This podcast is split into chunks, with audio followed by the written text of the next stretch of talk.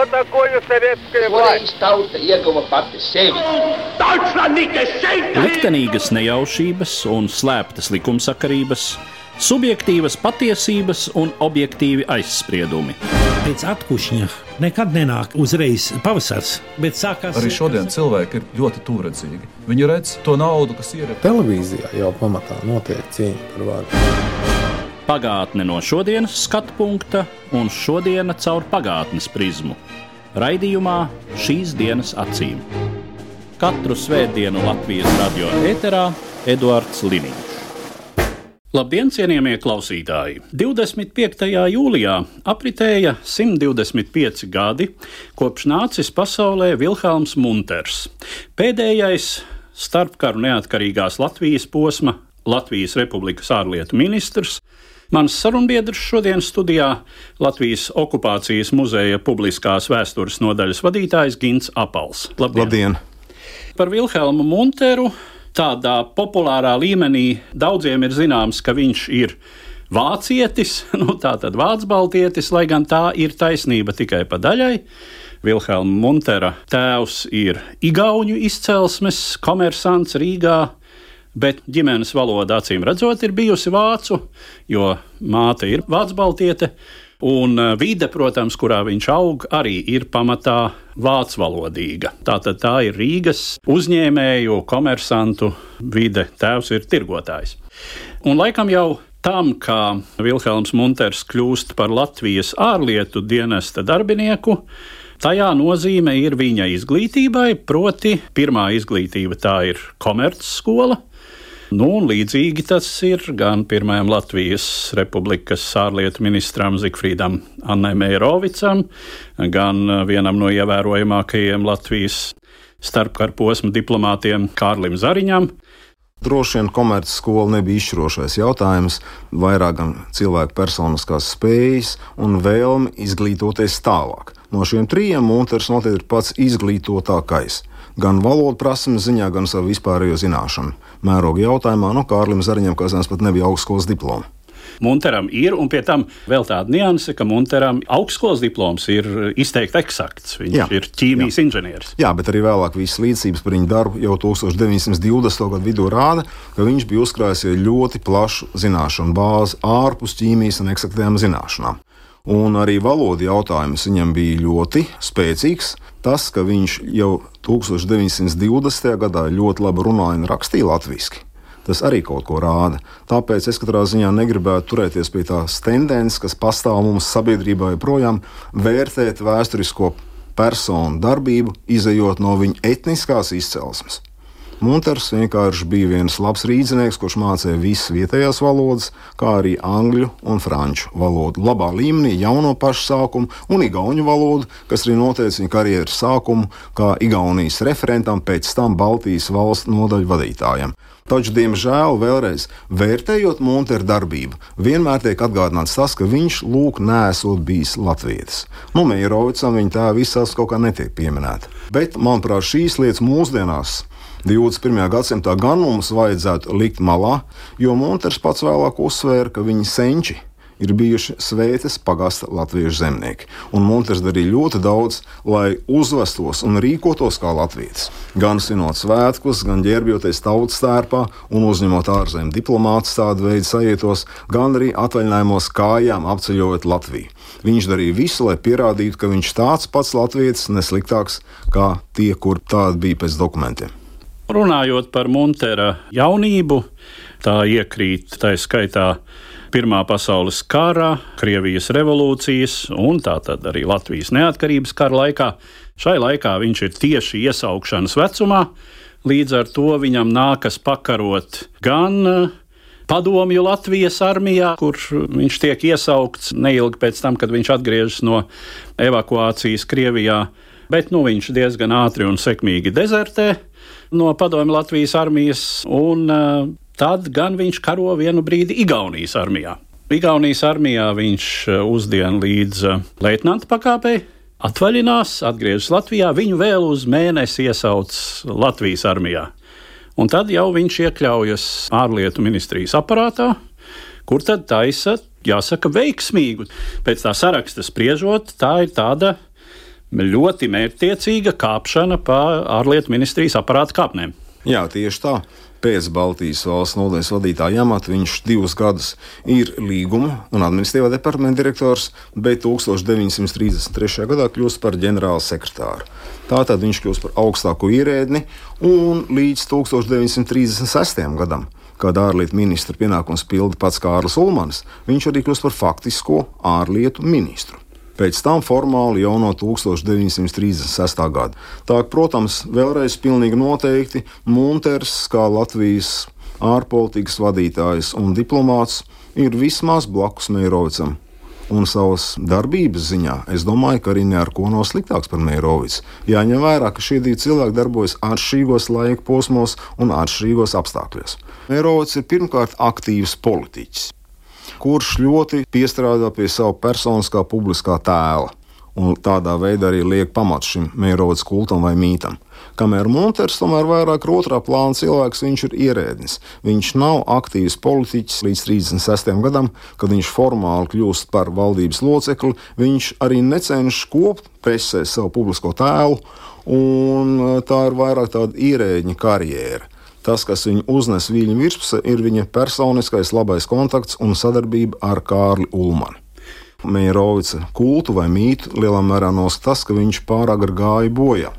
Bet mēs nevaram nekādā ziņā pateikt, ko Meirovics būtu darījis Muntera vietā.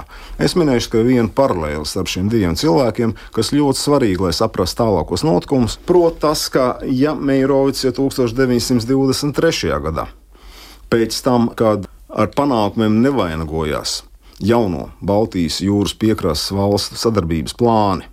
Tātad Somija, Baltijas valsts un Polija, tad viņš jau pats atteicās no šīs vertikālās līnijas, kā viņš to sauc, raugoties kartē, un runāja par to, ka ir jāpāriet uz horizontālo līniju. Proti, Latvijai jācenšas balansēt padomi Krievijas, ja padomi Savienības un Vācijas faktori savā ārpolitikā meklējot stabilu viduspunktu. Un precīzi to pašu dara arī Munters 1938. gadā, kad viņš pārliecinās, ka Versaļas sistēma ir neefektīva, ka viņa brūk un ka ar starptautisku līgumu slēgšanas palīdzību tā tad nepietiek, lai garantētu Latvijas drošību. Tas jau ir faktiski darbības apgājējs un tajā pašā laikā dramatiskais fināls, 30. gada beigas, 40. gads. Bet pirms tam vēl par šo Ulmaņa autoritārisma laiku. No vienas puses var šķist, ka Meijerovicu Latvijas ārlietu dienesta priekšgalā noliek situācija, apstākļi.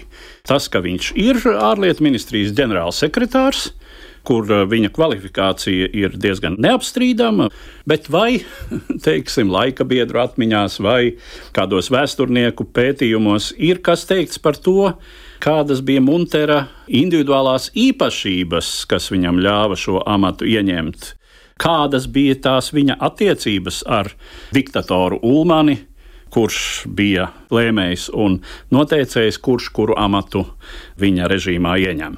Te es nevarētu pilnībā piekrist, ka šajā 1934. līdz 1939. laika posmā, ka mēs varētu tā saukt Ulmanu par diktatoru, kurš darbojas vienpersoniski. Tas tā gluži nav, jo vienkārši ministra kabinets, kuru viņš vada, ir uzņēmies arī saimas pilnvaras rīkojas saimas vietā. Tā ka tas tomēr kolektīvs veidojums, kur piedalās arī citi ievērojami politiķi. Tas pats ģenerālis Balodis, kurš ļoti oponē Muntera personībai un viņa iecelšanai par ārlietu ministru, personiskās pretrunas, tajā laikā ar Marģers Skujnieks un ļoti daudz citu cilvēku. Un tomēr ministra kabinets, neraugoties uz baložu rezervācijām, kolektīvi lemj iecelt viņu par ārlietu ministru. Tas tā gluži nav, ka diktators būtu kaut ko lēmis viens pats personiski un pārējie būtu tobrīd mājuši ar galvu.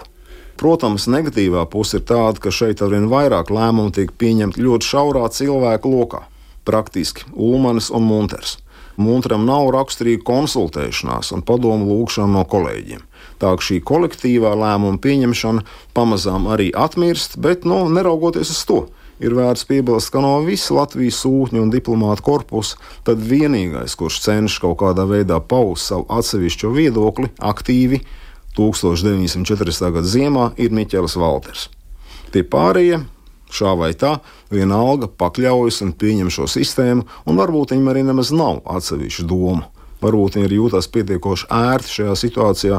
Šeit raksturīgi droši vien situācija veidojās 40. gada martā. Es tagad no galvas citēšu Kārļa Zariņa atmiņas par šo jautājumu, kuru viņš raksta, ka viņš apmeklēja Rīgu 40. gada februārī, runāja toreiz ar Ulmani un runāja ar Monteru, un lūk šajā formātā visiem bija skaidrs. Vadonis ir postulējis, ka pasaules karš nemaz nav izsācies, un ja arī viņš sāksies, tad viņš Latviju neapdraudēs. Tas liekas absurdi mūsdienās, ka 40. gada februārī, martā Latvijas vadītājiem nav skaidrs, ka ir sācies pasaules karš un ka pasaules karš neizbēgami skars arī Latviju. Tā ir viena lieta, bet otra lieta jau ka vēl no 38. gada, kad jau toreiz jau plašākā lokā kolektīva valdība lemj par Latvijas neutralitātes politiku, un, protams, šeit vadošā loma ir atkal Munteram un Ulmanim, tad netiek ņemt vērā nekādi vēstures fakti un mācības. Tas, kāda nozīme bija Beļģijas neutralitātei Pirmajā pasaules karā. Lūk, šī nemācīšanās no vēstures, jā, tas, diemžēl, tajā situācijā ir raksturīgi gan Ulmanim, gan Montram, bet es gribētu teikt, Latvijas politiskajai elitei kopumā. Un, diemžēl, arī Latvijas militārajai elitei. Protams, te tūdaļ ir jāsaka, tā situācija jau nedēva īpaši daudz manevru iespējas. Runājot par Miķeli Valteru, tas ir saprotams. Viņš nebija ierindas diplomāts. Kā tiek teikts, tad viņš ir te jau vienīgais Latvijas politiķis, kurš ar Ulmani esot bijis uz tu. Un es saprotu, ka viņš jau arī pauž savu viedokli lielākoties personiski Ulmanim.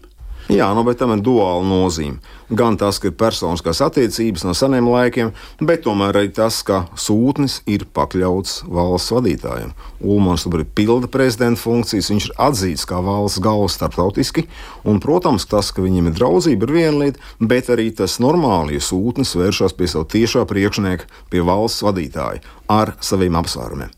Nu, protams, pārējie to kaut kā nedara, neriskē. Tas pats Zariņš, kā mēs redzam, viņš to nedara.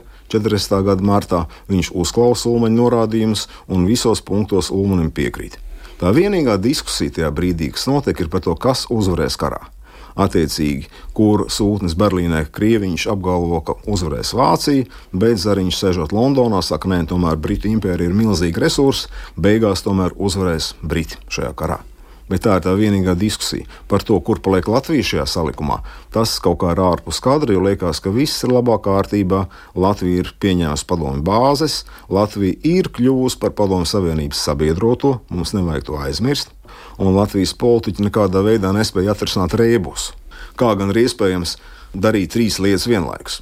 Teikt, ka Latvija ir neitrāla valsts, slēgt līgumu, kas paredz, ka Latvija ir Padomju Savienības sabiedrotā, un vēl saglabāt spēkā Latvijas disfunkcionālo militāro savienību ar Igauniju, kas neapšaubām ir vērsta pret Padomju Savienību. Tas varbūt parāda to, ka šī ārpolitikas stratēģija viņa īstenībā nekad nav bijusi īsti izstrādāta. Tā ir tāda vairāk reaktīva ārpolitika, piemērojoties apstākļiem un visu laiku cerot uz labāko, bet negatavojoties ļaunākajam. Laikam gan jāsaka, ka Munters šai situācijā nav tā personība, kas varētu šai ziņā kaut ko būtiski mainīt. Nē, viņš ir savulaik produkts, savulaik cilvēks. Bet vēlreiz, lai vērtētu Munteru, mums jāstāsta, tad kurš piedāvāja kaut ko citu? Diemžēl Walters kritizēja, bet viņš arī īsti jau neko citu nepiedāvāja. Tas, kas piedāvāja kaut ko citu, bija kaimiņu valstu pieredze kas arī varbūt Latvijā par šodienu netiek tā īsti pozitīvi vērtēta. Jo faktiski Igaunijas gadījumā daudz agrāk tika novērtēta ģeopolitikas nozīme. Tātad Igaunijā vienmēr bija labākas attiecības ar Vāciju, un īpaši ilgstoši līdz 39. gada oktobrim, kad arī Igaunija bija spiesta pieņemt padomu bāzes un sabiedrotā statusu. Neraugoties uz to, Igaunija visu laiku daudz vairāk centās būvēt sadarbību ar šī reģiona lielvalstīm tā skaitā ar Vāciju un Poliju, lai tādā veidā balansētu un kompensētu savu geogrāfisko novietojumu, kas diemžēl bija daudz tuvāk šī asī padomju savienībai un tās varas centriem. Lūk, teiks, Latvija to nedarīja. Latvija vienmēr bija ļoti konsekventi ģermanu, foba, un arī Latvija jau no kā 1921. gada arī bija tāda ļoti piesardzīga attiecībās ar Poliju. Respektīvi, atšķirība tāda, Igaunijas ārpolitikā ģeopolitika bija, Latvijas ārpolitikā viņas faktiski nebija. Lai gan uzreiz jau jāsaka, mēs zinām vēsturi un to, ka Igauniju tas faktiski neglāba no tāda paša likteņa kā Latviju. Runājot vēl par Vilhelma Muntera lomu, Nu, laikam jau tajā brīdī, kad Padomju Savienība sāk diktēt noteikumus, nu, runa ir pirmām kārtām par bāzu līgumu. 1939. gada rudens Munters arī ir tas, kurš ir spiests šo bāzu līgumu parakstīt. Faktiski Latvija zaudē savu neatkarību. Lielā mērā valstī tiek ievests šis padomju, tobrīd vēl ierobežotais kontingents. Laikam jau Tobrīd neviens ģēnijs, lai kurš tas būtu, nevarētu neko ļoti būtiski šai situācijā mainīt Latvijai par labu. Bija par vēlu. Ir arī militāro ekspertu viedokļi, ka pēdējais brīdis, kad Latvija varēja izvairīties no šo bāzu novietošanas savā teritorijā, bija septembra vidus, kad vēl varēja veikt vispārējo mobilizāciju un novietot Latvijas armijas robežu, tādējādi sūtot signālu, ka mēs pretosimies novēršot šo 39. gadu ultimātu kā tādu. Pēc tam jau bija par vēlu, bet atkal Latvija nebija nocietinājuma, viņa nekad nebija gatavojusies karam pret Padomu Savienību. Un sekas bija tādas, kādas bija. Tāpēc ārpolitikas efektivitātes jautājums atkarīgs arī no aizsardzības politikas, neizbēgami. Un tās ir lietas, kuras netika plānotas, pie tā netika strādāts 20 gadu garumā.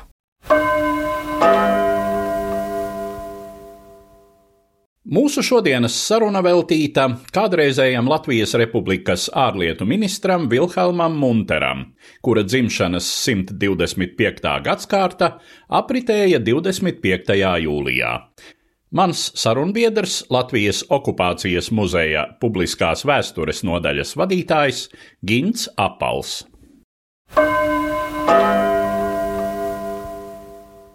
Munters bija Latvijas mērogos izcils Un mūsu nelēma tāda, ka nebija neviena šeit valsts vīra ar vēl plašāku skatījumu, bet salīdzināt sevi ar Igauniju un Lietuvu. Un ar to beigt sarunu varbūt nav vienīgais veids, kā skatīties uz vēsturi. Mēs zinām, ka šajā pašā reģionā bija arī jaunas valstis, kas rīkojās citādāk. Somija bija jauna valsts, un Norvēģija arī bija jauna valsts. Un šis jautājums, kā iziet cauri pasaules karu, bija atkarīgs arī pirmkārt no domāšanas līmeņa, no izglītības līmeņa, daudz mazāk no politiskās sistēmas jautājuma, kur ir parlamentārā demokrātija un kur nav, bet vairāk no kopējās elites kvalitātes. Un arī saprotot, ka notiek pasaules karš, jautājums, kā iet pasaules karā un kā iznākt no viņa ārā. Latvijas gadījumā tas fatālisms praktiski bija nepārvarams, Pirmkārt, tā atziņa, ka pasaules karš nav sācies un neskārs Latviju, jo mums ir tik gudrs valsts vadītājs kā Ulmans. Tas nestrādāja, līdz ar to pašu tas ir viens no iemesliem - stratēģijas trūkums. Un adekvāts analīzes trūkums, kāpēc tiešām bija tik negatīvas sekas arī un praktiski fiasko Latvijas ārpolitikā un drošības politikā. Bet te mēs varētu varbūt atgriezties pie Muntera jautājuma un personības. Protams, šī domāšana atšķīrās. Attiecīgi, valstiskuma domāšana vai suverenitātes domāšana atšķirās no tautas izdzīvošanas, eksistenciālās pieejas, kas tomēr bija laikam ļoti dominējoša visā Latvijas elitē tajā laikā un arī, starp citu, Muntersos vēlākajos rakstos, 1963. un 64. gadā, kad viņš nodarbojas ar publicistiku, nu, valsts drošības komitejas kontrolē, kad viņš raksta savas grāmatiņas, savu tautu ienaidnieku un pārdomas, bet viņš norāda vienu lietu, kur es domāju, ka viņš patiesi tajā brīdī, ka tas, kas notika, bija tomēr vislabvēlīgākais scenārijs latviešu tautas izdzīvošanai fiziskai izdzīvošanai. Un te viņš vēlreiz sev definē kā Latvijas tajā brīdī latviešu tautas izdzīvošanas intereses ir svarīgākas par virsnieku godu, nomiršanu ar godu, viņas svarīgākas par valsts saglabāšanu vispārējo.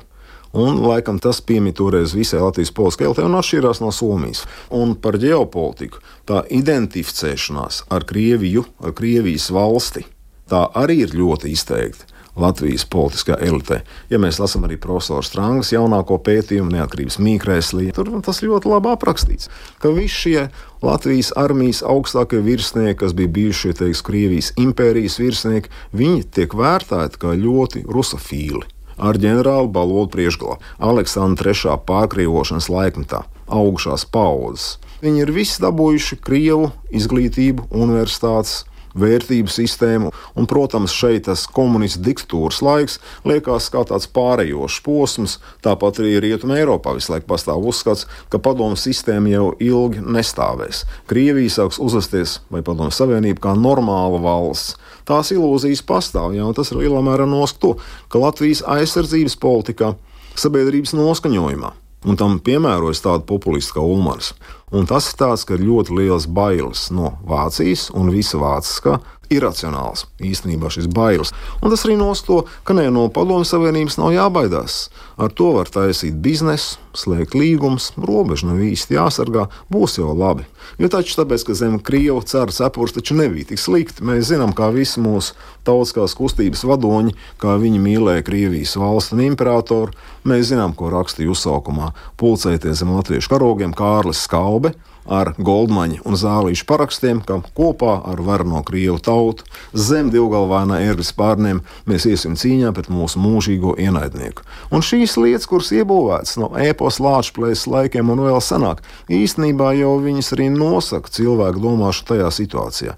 Tā tad tā valstiskā domāšana, es gribētu teikt, viņa ir ļoti vāja Latvijā. Dabiski viņa diezgan vāja arī Igaunijā un Lietuvā. Un Jāna Somija ar citu lietu. To nosk ilgāk vēsture. Šeit, protams, ir Muntera problēma vēl viena. Tas, kas notika ar šīm ārkārtējām pilnvarām, cik ierobežots bija viņa apjoms. Tas, ka viņas nebija pienācīgā veidā noformētas, nu, tā ir lielā mērā Muntera atbildība. Diplomātiskā protesta trūkums, kaut vai diplomātiskās notas, ārzemju vēstniekiem šeit un sūtņiem, jeb instrukcijas Latvijas sūtniecībām ārzemēs, tūlīt protestēt par to visu. Lūk, tā arī bija Muntera atbildība. Arī Munters samaksā, protams, par šiem lēmumiem vai lēmumu trūkumu, arī ar personisko likteni, jo viņš tiek vispirms deportēts jau 40. gadā. Kādu laiku tad dzīvo nometinājumā, Voroņežā, bet sākoties padomju vācu karam, viņš arī tad tiek apcietināts un pavada cietumā nākamos 12 mūža gadus, apmēram 10 gadus vispār arī bez tiesas sprieduma. Te varētu paskaidrot šo notikumu secību, bet pirms tam Munters parādās vēl arī citās kvalitātēs. Jo redziet, arī kā to raksta profesors Strānga un citavot, tas, ka Latvija tiks okupēta un padarīta par padomu republiku, anektēta un sovietizēta, tas lēmums īstenībā Strānga uzskata, ka viņš bija neizbēgams. Bet jautājums, kad un kādā veidā, tas bija tomēr improvizācijas režīmā.